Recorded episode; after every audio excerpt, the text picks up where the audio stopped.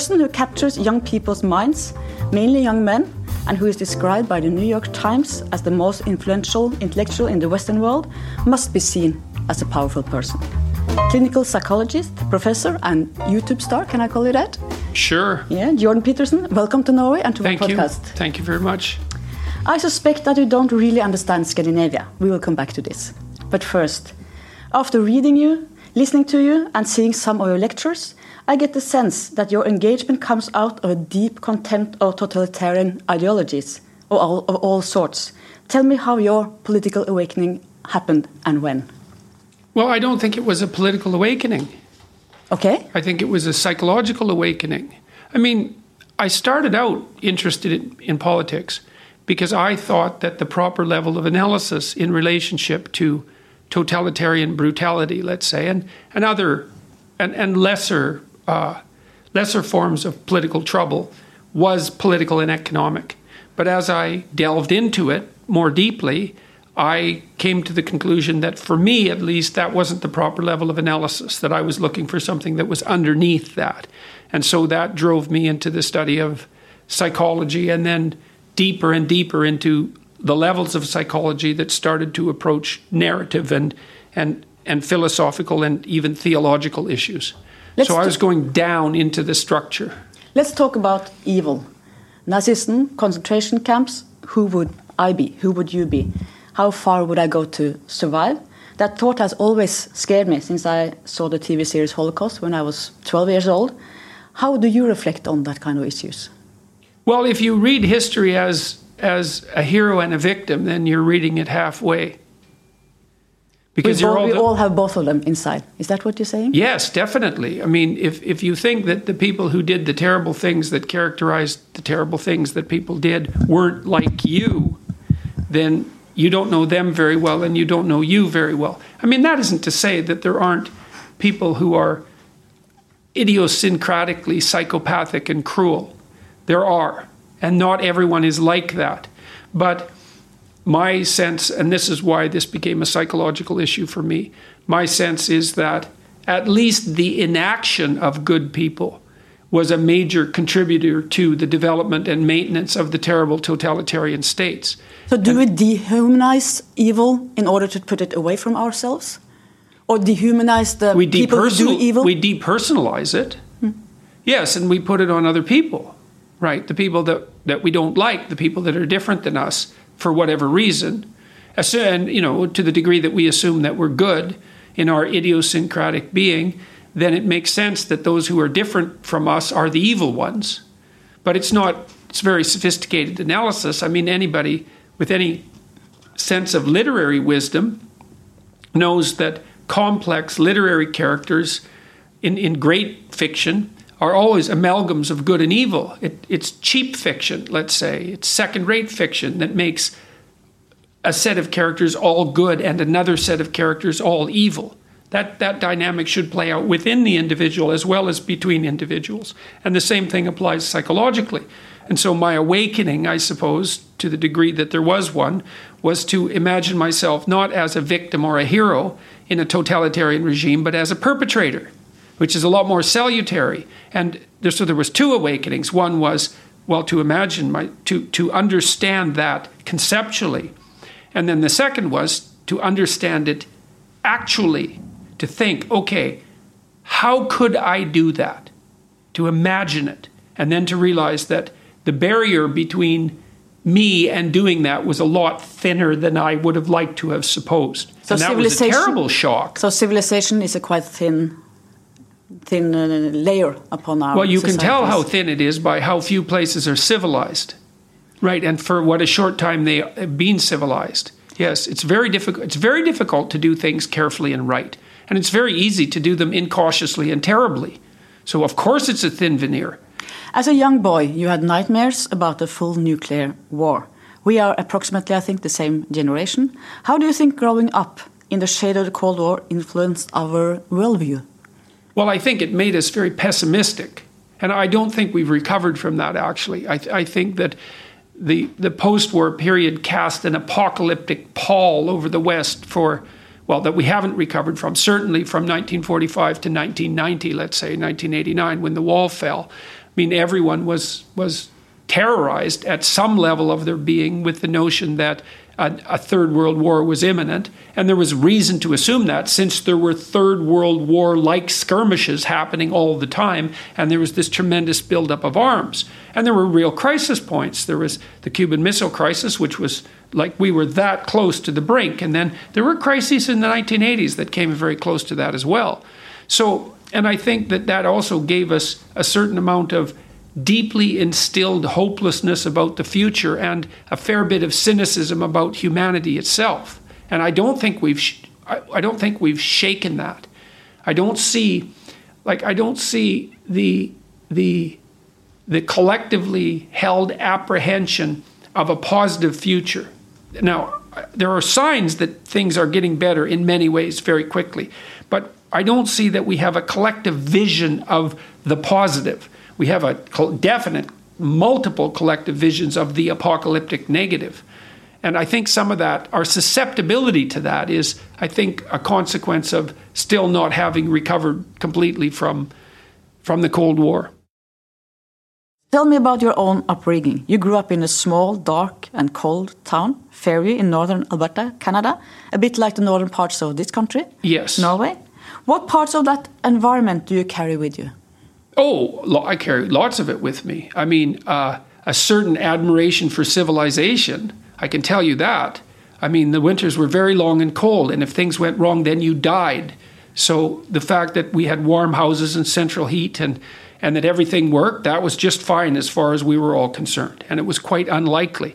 You know, Canadians are among the highest per capita users of energy in the world. And we're often upbraided by our environmental types for that. But Jesus, the whole country isn't habitable. It's no bloody wonder we use energy, you know, because otherwise, like when I went to college, this college I told you about, we had one winter when I was there where it was it never went above minus 40 for 38 days. That's worse than here right, actually. Right. Yes, it was it's very cold and that gives you it also de-romanticizes your view of nature and and you know where we we did not live in the French impressionist countryside. I've been to France, man. It's like it's beautiful and it, it's it's temperate and and it's friendly, but the the farther reaches of the Canadian prairie, it's pretty harsh. It's very harsh in the winter. Even in the summer, it's harsh enough. So and then it was fundamentally a working class community. So all my friends were working class kids, and it was labor because it was mostly driven by oil and gas, and and and that's rough work. You know, a lot of my friends became um, oil riggers, oil derrick riggers, um, rig pigs we called them, and and they called them that themselves. And that was brutally hard work, especially in the winter. And they lost fingers, and you know were had bits and parts of them crushed at various points, and made tremendous amounts of money, and of course squandered it immediately. And it was like the fishermen up in Norway. Sure. Your father, he was a teacher. How, describing what kind of type was he? Um, well, he's still alive. Um, he's a, I would say, he's a stern person. Um, he's he's he's judgmental. He he doesn't easily forgive um, himself or other people. Um, he's very smart. He's very good with his hands. He's a very good craftsman and quite an exacting one. He's got an he's an old fashioned person in some sense. He he's a hunterman, a hunter and a fisherman and a trapper. He has I think 300 single shot rifles, and is a, was a very very good shot. And and that took me a long time to understand that what he was acting out was the necessity of taking careful aim and hitting the target properly, and that went along with his precision. Um, he but allied with that. Um, very masculine character, I would say, was tremendous ability to interact with small children in particular. He's unbelievably good with little kids. And your mother? What kind of My type? mother was a very cheerful, is she's still alive, very cheerful person. Um, I would say courageous, um, great sense of humor. Um, was an extremely good mother. We we all loved her. She was always someone that I could make laugh so she was provided, you know, a fair bit of the softness in the house, especially as, as I got older. My father had trouble with depression too, which also made things more difficult. And how was that um, for you as a little boy? As a little boy, it wasn't a problem. because it really didn't manifest itself. It got worse for my father as he got older. How old were you when it manifested itself? Oh, it probably started when I was around 13. It started to get started to get more noticeable. That's a quite vulnerable age. Well, they're all kind of vulnerable and you know, and so my dad and I had our differences when I was a teenager, but that's hardly rare and we rectified them. I mean, it was like a 3-year period where we had a fair bit of tension and of course during that 3 years it seemed like a long time, but it's not that long and I mean, I've got along fine with my father for I don't know how long, 40 years now, I guess it's probably something like that. And, and you so, also told the world that you had your own depression for many years. Yes, how, well, would, it, how would you describe the darkness in a depression? Well, my daughter just made a video about that that's kind of worth watching because she had the same thing and she characterized it quite nicely. She said at one time, Well, I can tell you a couple of things about it. I'm, I'm going to use some of her examples because I think they were good. She had a very terrible um, arthritic condition. She had 40 affected joints and she lost her hip and her ankle when she was 16. And so she basically walked around on two broken legs for two years. And so that was, to call that agonizing, barely begins to scrape the surface of what it was like. High dose opiates, constant painkillers, constant pain, and, and high level pain for two years. And that's a long time. It just about did her in, just about broke her. I asked her at one point, okay, you can choose. You can have the arthritis or you can have the depression. She said, I'll take the arthritis. Yeah, so, okay, so that's like story number one. Story number two, she said, I asked her, what's it like what do you think it's like if you had to characterize depression? She said, Well, it's like she had this dog, Seiko. She really liked this dog. It was really good for her, and she was very tightly bonded with the dog. She said, Well, it's just like when your dog dies. And then about a year after we had that discussion, her dog died.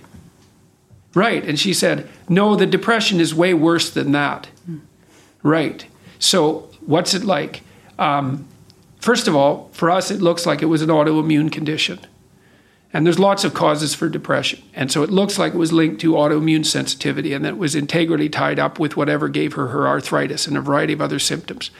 And we've been trying to figure this out in our family for a number of generations with increasing success, I would say.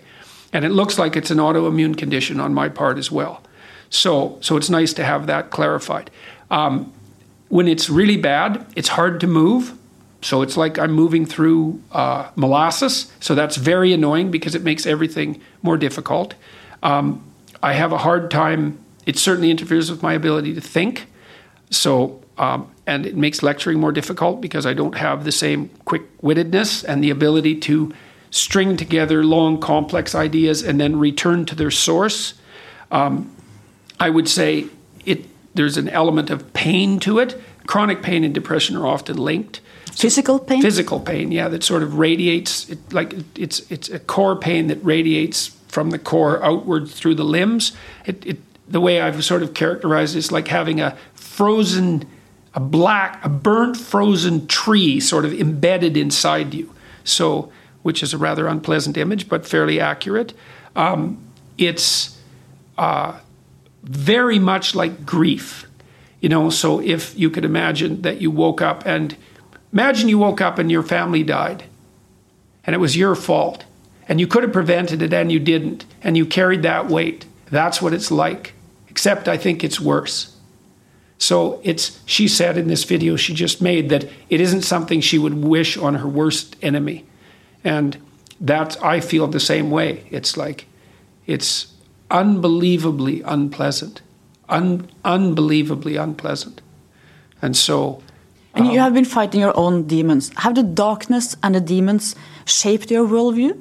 Has it they probably took, made me take things more seriously. You think you're I more think. worried than you would have been otherwise well, about the world, about the. I think that I took things. I think I. I think things affected me more deeply because because of it. But I don't know. It's very hard to tell, right? Of course. But I suspect that that was the case. That that proclivity towards depression made me feel things that were terrible more deeply. And so perhaps that was one reason that I took them more seriously. I mean, when I was 25, I went off to graduate school and I did my PhD in, in a clinical program that was fundamentally scientifically oriented. And I published and or co authored 15 papers in the five or six years that I was there, which I think was a record for the graduate program at that time.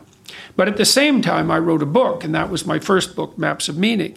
And I worked on that three hours a day, every day for 15 years.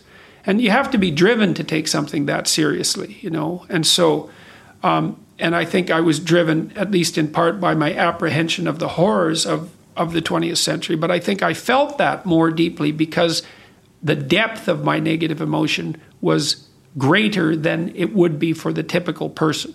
I mean, I don't know you know, it's hard to say why why things grip your interest and and obsess you. Now, I am a, the sort of person because I'm a very curious person and I'm idea driven. That if I get if a question comes into my mind, then I'm obsessed by it, right? Like, and and I I'll uh, I can't let it go. And when I was writing Maps of Meaning, and this is relevant because a lot of what I laid out in 12 Rules for Life, I had thought through in this first book. It's a more complicated book, though. Um, like, I, I devoted myself as much as I possibly could to solving the problem, right? And I like to solve problems, and I like to solve deep problems if I can manage it.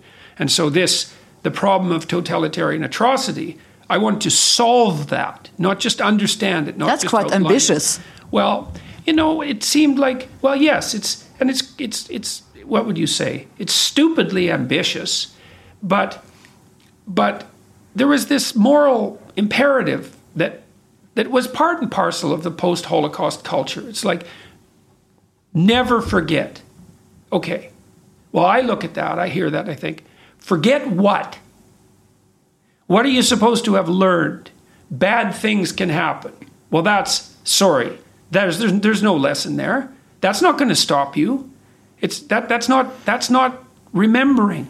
Remembering is remembering is understanding well enough so that you adjust who you are so that it never happens again.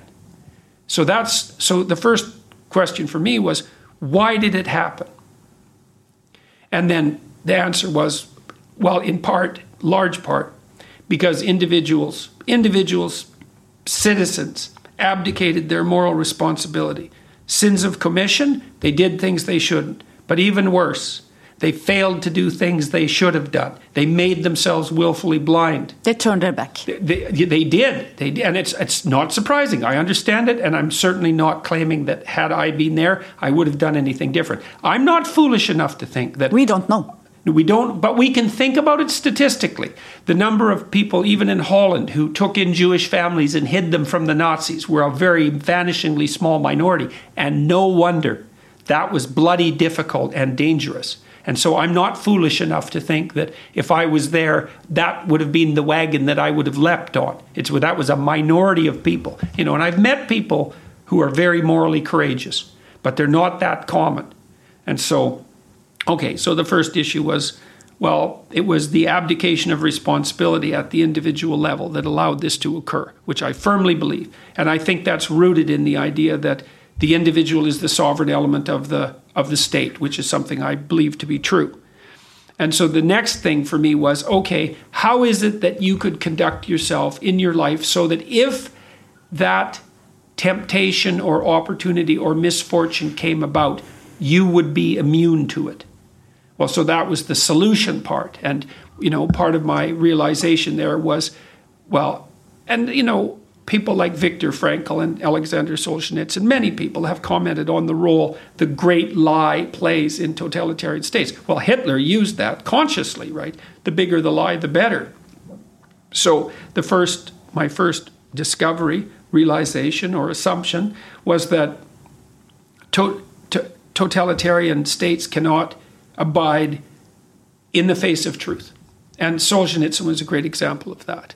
Now, he, he in his Nobel Prize acceptance speech, he said that you know a totalitarian state cannot stand against truth, and I believe that. I truly believe that. I think that there isn't. Well, why wouldn't you believe that? It's like for what it's it's complicated because you don't want to put yourself forward as a manifestation of truth because what do you know? You're biased and ignorant. You have your viewpoints and your idiosyncrasies. And so, you have to be very careful about assuming that what you've got is the truth. But you can at least try not to knowingly falsify yourself by action or word. And so I tried to start doing that. And when I was 25 or 26, to stop saying things that I felt made me weak, let's say. And I practiced that.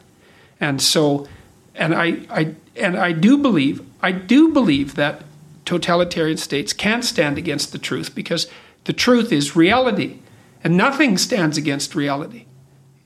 You can think you, you can think you can stand against reality in your arrogance and your foolishness, but it will definitely come back to haunt you. And I've also become absolutely convinced of that in my private life and in my clinical practice. and it's something that actually terrifies me, I would say, truthfully. I've never seen anyone get away with anything. It always comes back. Of course. So, well, so beware. You have said you have said that our time in our part of the world is the best time and place ever for both men and women. At the same time, you seem very worried about our societies of today. Please explain to me how these two things fit together. Well, it's a good question. I mean, you know, I think that we should be celebrating out on the streets about once every two weeks, given the the nature of the economic news at a macroeconomic level. I mean, so for example, between the year the UN set a millennial goal in 2000 to have the level of absolute poverty in the world by 2015. I'm not attributing this success to the UN, by the way. Um, that happened in 2012. We beat the target by three years. Well, to have poverty across the world, absolute poverty, in 12 years is an unparalleled achievement. And the UN now projects that, given their definition of absolute poverty, which is $1.90 a day in today's money, um, there won't be anybody in absolute poverty by the year 2030. And that's just one, one of many, many manifestations of a tremendously proliferating prosperity everywhere. Well, I mean, obviously, we've seen what's happened with China and what's happened with India and all of Southeast Asia. I mean, the and the only places in the world now where where abject poverty is the norm, it's pretty much restricted to Africa, and except for political reasons, let's say. And the fastest growing countries in the world are in sub Saharan Africa. So the economic miracle that's characterized, say, Southeast Asia looks like it's starting to manifest itself in Africa. But if I read you correctly, you also believe that men and women in our Western societies also have the best life they ever had. Oh, there's no, there's no doubt about it. And you're still there's, worried. There's, well, I, I'm worried about, I'm worried about the polarization. And well, what I was initially worried about was See, we can, just because we have it good doesn't mean we can't tear it apart. We've done that plenty of times. So, I mean, things were going pretty good after, up till World War One. You know, there was a nice uphill tick in Europe. And so we, we managed to squander that in a four year period and then rebuilt it painfully for 30 years and then blew that into bits. And it's like these, it's good, but that, it's not so good that we couldn't, through ingratitude and foolishness, bring it to a to a, a rapid halt. So what you're saying so, is be careful. Very no, and more than that, be grateful. Be grateful, and that's another thing that really bothers me about what's happening in the universities on the radical end of the distribution. Essentially, is that there's no gratitude. There's no gratitude for a patriarchal tyranny. That's for sure, because the very term contains an absolute dearth of gratitude. So let's move to that. To not that term, I think it's a very strange term, but I must admit I'm a little surprised by your description of gender equality in Scandinavia. That's why I suspect that you don't uh, understand us. First of all, there are huge differences between Norway and Sweden when it comes to the atmosphere for debates. In Sweden, they are much more restricted than in what they are allowed to say, just as they have been in debates about immigration and integration mm -hmm. of newcomers. Yeah. My claim is that in Norway, we have a more open minded discussions though I know some people here would disagree about that. And secondly, I feel that you argue against a caricature, caricature of feminism, at least the kind I grew up with and have seen myself as part of my whole life, and also of Norwegian men. because the way I see them, they are they see the reward of being good caregivers, taking part in the domestic life in a very different way than their fathers did, and at the same time, they maintain their masculinity. I mean, I think we have the best men in the world in Norway, actually. and I see gender equality in our society as a huge advantage both for men and women. Mm. How do you see my um, It's fine. support for our Scandinavian system? Um, I, I don't take issue with anything that you've said. Um, I don't have any problem with legislation that's designed to produce equality of opportunity, right? Believing firmly that anyone sensible wants to open up the economic playing field to the to the widest possible range of of talent. Does that also imply? Does it also imply to to build in, for instance, to, to lift all those up those disadvantages in order to give them equal opportunity, like Well, it depends. language depend, language training for kids, immigrant kids in daycare centers, or uh, I mean, to, to to level the field to give real equal Well, I don't even know if that constitutes leveling the field. I don't think I'd put it that way. I think that's more like an investment.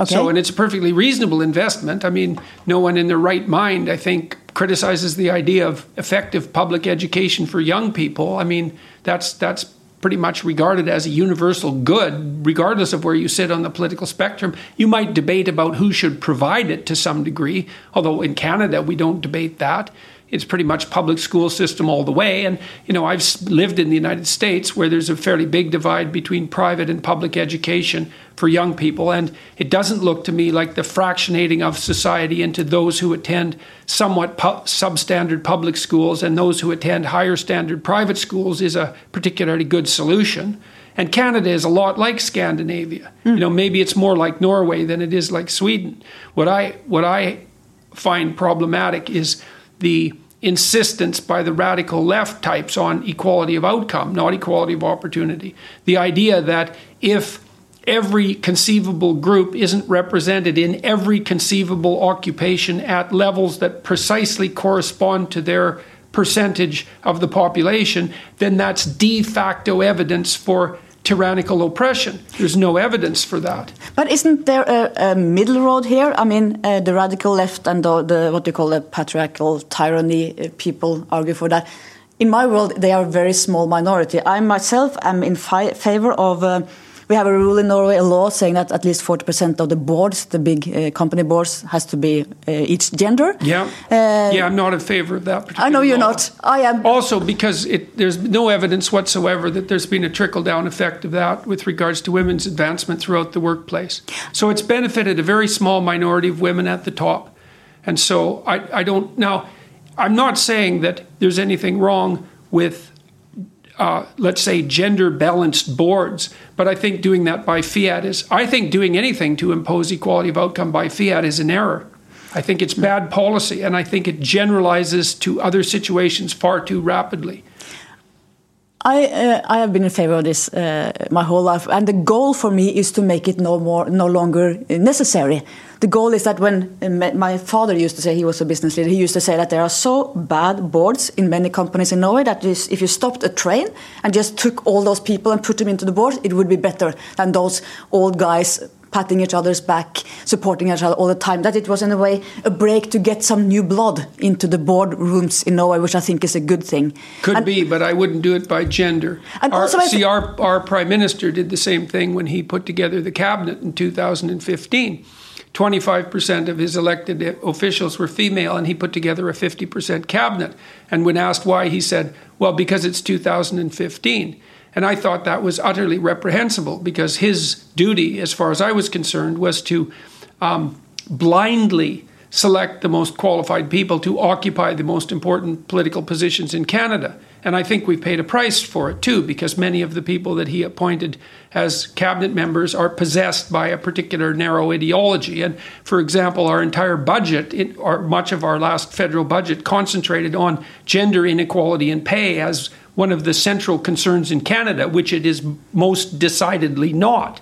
But isn't there a difference between, uh, in Norway, we call it moderate and radical uh, quotas? Uh, like, I'm pretty sure that I have got jobs because I'm a woman, because when I came in, it was almost no female political reporters back in the early 90s, 1990 actually. How do you feel about what happened to Asians at Harvard? Yeah, that's a different discussion. I've Well, not dis- really. I don't think it is a different discussion because there were it was quotas that did that and they kicked back. But my so, point is that it I was not it was not a quota, but the newspapers looked for female reporters because they felt they need that diversity. They needed different perspectives. It's very strange to write. But I don't see. Audience. I don't. I don't believe that the fundamental marker for diversity among human opinion crosses gender or race, and I don't think the psychological evidence suggests that as well you get more diversity within the genders than between them. Absolutely, but it's my, my point is there should be. Uh, for instance, in a group of journalists, it should be different perspectives. It should be some people from the countryside, some from the city, different ages, different genders, because in order to reflect the reality that people out I, there I, I agree with you, but I would say you do that by removing arbitrary by re- removing arbitrary restrictions on hiring, not by putting in quotas or aiming at particular targeted groups. So I think the reason is is the the price you'll pay for We'll see. But my sense is the price we pay for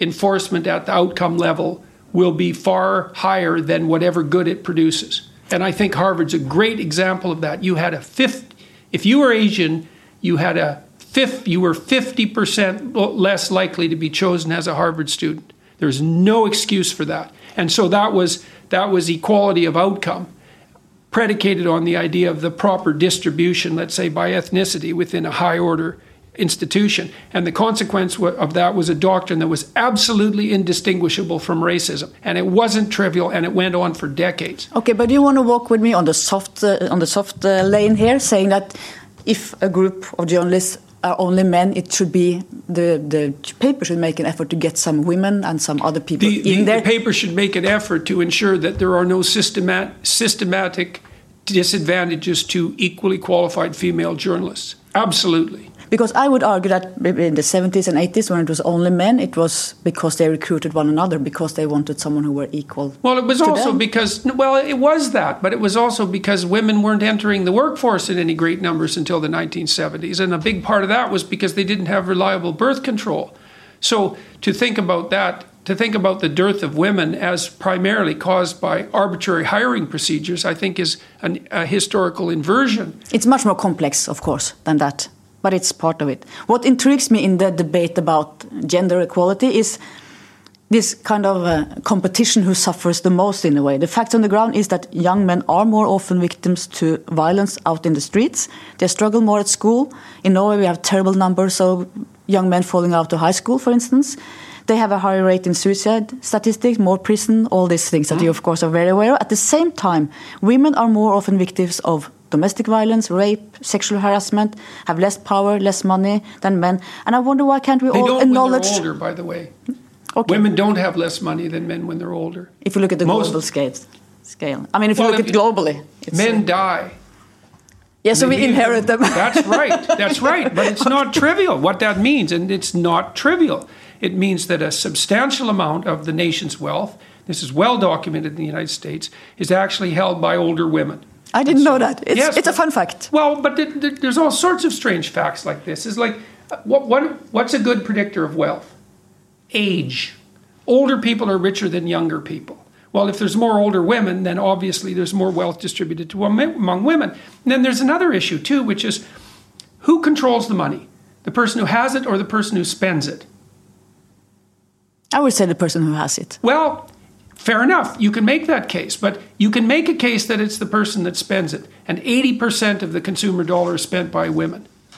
So it might be those who generate it, and it might be those who have it, but it could well be those who spend it. But we could meet in the middle and say, well, it's partly those who have it and partly those who spend it. And if it's a happy couple, they probably there's no disagreement. They just earn and spend.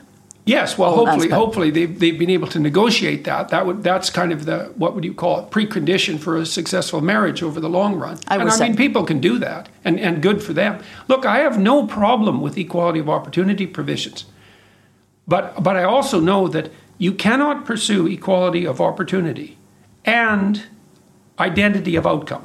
Those no. and then the science but, has demonstrated that quite. But I think very few argue Uh, equality of outcome. I mean, oh, well, maybe not here, but plenty of people argue that in North America. That's the equity doctrine, because equity means equality of outcome, and plenty of people argue it. So, and it, it's a mainstream ideological movement in the university campuses, and and the issue is, it, the issue is precisely this: If there isn't identity of outcome across occupational categories, then that's prima facie evidence for oppression. That's the doctrine. And it's a pathological doctrine because there are many, many reasons for differences in outcome. Like even if you want to look at the gender difference in pay, which which is a multifactorial problem, and actually one that's quite well understood, the the place where it isn't women that suffer, if if anyone's suffering, it's mothers. Well, that's a very different claim. Like if, if we're if we're going to address this as a society, we might say, okay, look, we've got a problem because human infants have this tremendous dependency period, and the biggest economic hit for for uh, addressing that seems to lie at the feet of women.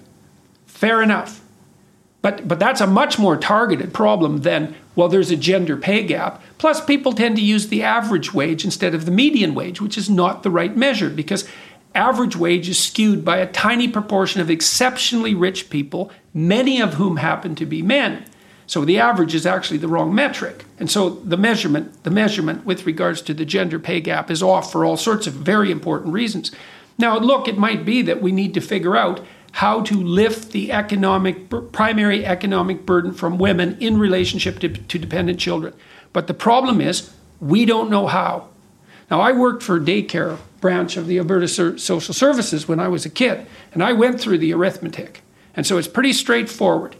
So let's say that one of the ways that you want to uh, remove the disadvantage to young mothers is by providing general childcare, right? Early childcare. Okay, so there's some problems with that. The first problem is if your child is in uh, institutional daycare between zero and three, they will be sick all the time. And not only that, the diseases that they contract within the daycare will be spread out into the broad community. Pediatric epidemiology describes institutional daycare for kids under three as pediatric cesspools. It's not a good idea. So that's problem number one. Problem number two, think about it economically. Kids under three, you don't want to have a child to caretaker ratio of less than three to one. You're really pushing it after three to one. Not enough adult, too many kids. Very hard on kids developmentally. So you do the math. Say you want a trained caregiver, someone who's got a university education. So let's say you pay them $40,000 a year. It's not a huge salary, okay? It's, it's $13,000 per kid. You have to double that for infrastructure. It's $26,000 per kid. So now, how can that be made economically viable? Because there aren't many people who have salary, especially if you have two kids, that's $52,000 a year. How many people have jobs that justify paying $52,000 a year for primary child care? I see where you're going. I think some of the answer is I mean, I will not draw a picture of Norway as a perfect society, we certainly are not. But since during the almost 30, 30 years I've been in the press, men now go, they are home with sick kids. They also go and pick up in kindergarten.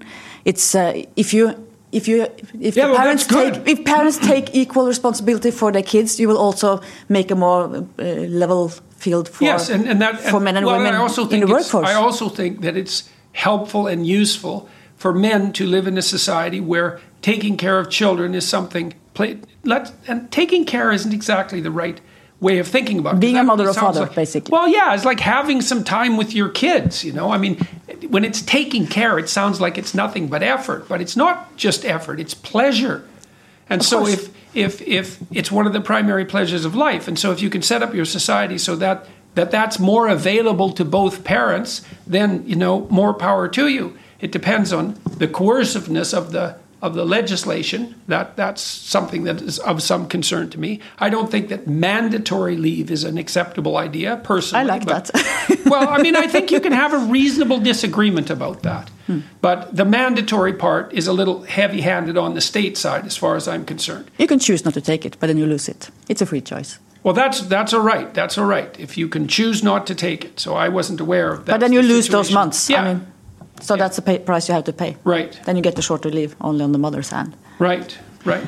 Um, there are, if you see at the, look at the competition between men and women, there are also a lot of men in jobs that are not subject to women's competition, and quite many of them can disappear within some years due to robotization and automation. Driver in particular. For instance, drivers, yes. Yeah. Those men are probably also among the growing group of men staying single with no kids. Could we say that they are victims of structural changes that they experience as suppressive? Could we say that some of them direct their anger towards women and feminism, like you sometimes says that women are blaming men for their women's own lack of progress? Well, I don't. I don't like to characterize people as victims. I mean, partly because it's it's it's absurd in some sense. Because like I have an essentially tragic view of life. Everyone's a victim. I mean, everyone gets sick often everyone you know will die. You too, and and uh, sometimes I know, awfully, I know. right? So I mean, so like the victim thing is like you don't have to take the typical person and scratch beneath the surface very far before you find a pretty tragic element. It doesn't matter how successful they are. So I would say that to the degree the notion of victim is useful, and I don't think it is, it's it's a universal problem. And we're all equally victims, not equally, but we're all at least partially victims of social oppression because the price you pay for social being is a certain amount of crushing and restriction of your of your fundamental individuality. So, but I I don't find the victim victimizer narrative productive in any sense, and I think what it does is generate a lot more hatred for the victimizer than it generates useful compassion for the victim. I agree. Tell me about incels, involuntary celibate, and their movement. How do you view them? Oh, well, I don't really view them at all. I didn't know any. Didn't even what know do you think existed. about them? What do you think about them? Well, what I don't think about them. What I've told young men repeatedly is that if they're rejected by many women, there's something wrong with them. there's a reason for right, that. Right, right. So if you're rejected by a thousand women, here's the situation: you're rejected by a thousand women. Here's your decision: either a thousand women are wrong, or you are. Well, I think you might want to go with the majority vote on that one. yeah, right. And so, you you're know, right. what I've done with young men constantly, although I would say with young people in general, is to say, why don't you try to build yourself into someone who would who would be who would be self-evidently worthwhile and desirable as a partner. And if that isn't happening, then look to yourself. Now, you know, that's that's that's a rough doctrine in some sense, but it's a realistic doctrine. And so if you're involuntarily celibate, it's like, well, you better get your social skills in order, you know? But and you I have- know that that's way harder for some people than for others. But you have used the, the, the expression enforced monogamy. I'm very curious about what that means.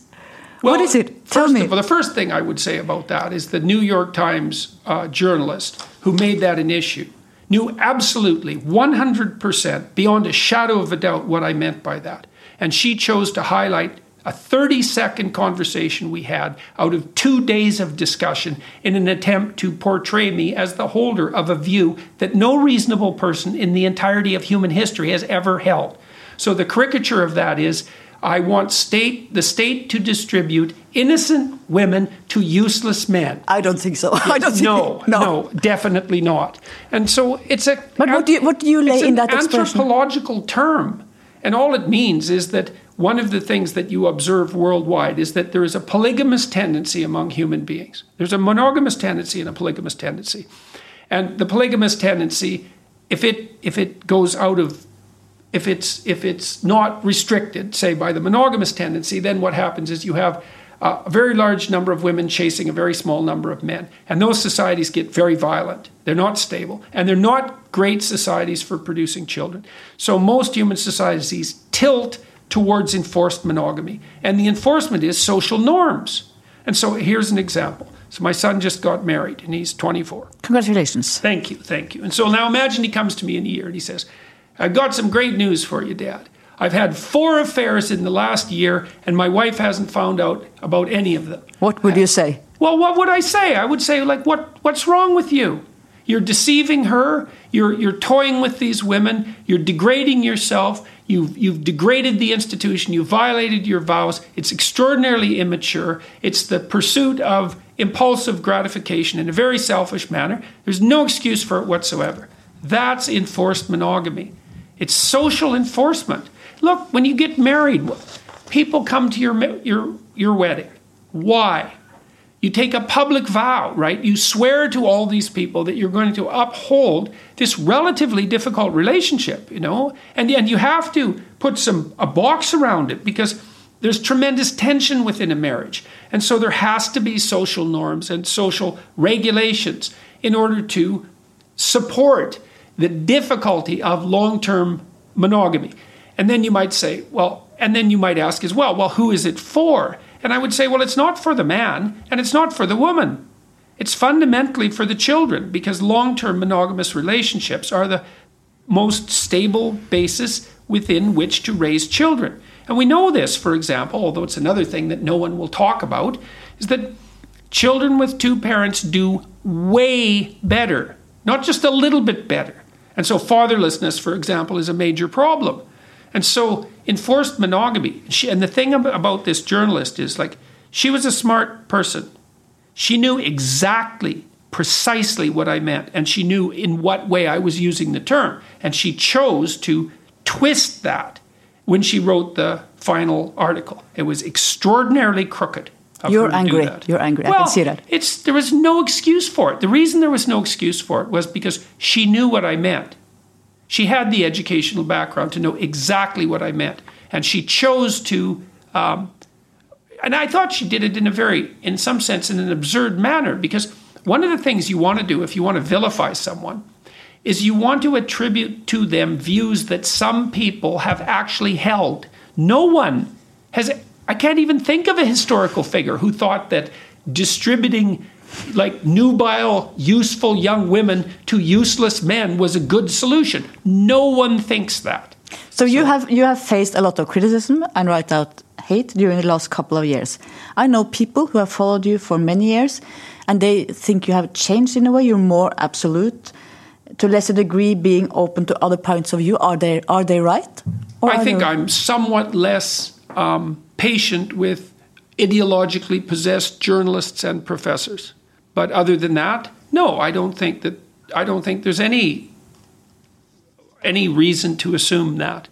But so, is there a danger when you're faced with that kind of resistance and also unfair criticism sometimes that one gets, not necessarily you, but in general, that one gets pushed further into their own convictions, more convinced of their own arguments? There's a danger arguments? that you lose. Sure, that's a danger. It's also a danger that you lose patience.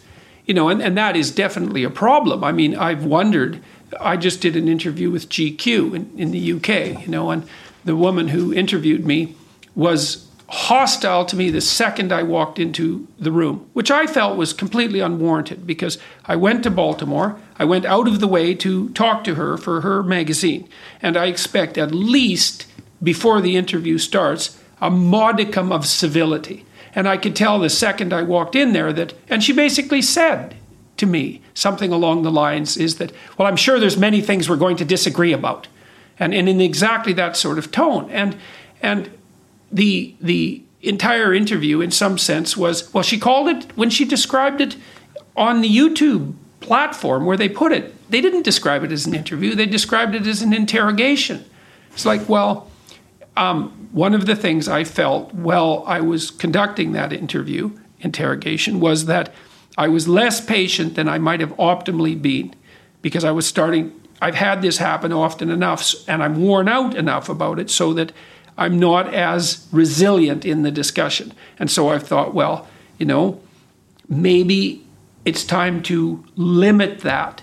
But the problem is, you can't tell when you're invited by a journalist to discuss something whether you're going to have a conversation like we had or whether you're going to have an interrogation. And I also have an obligation to my publisher and to the people that I work with to do what I can to promote, let's say, to bring my book to the attention of as many people as possible. And that's especially true with the foreign publishers, right? Because the book is just starting to come out in all these different markets. And so it's part of the implicit contract with foreign publishers to do what you can to support their their efforts.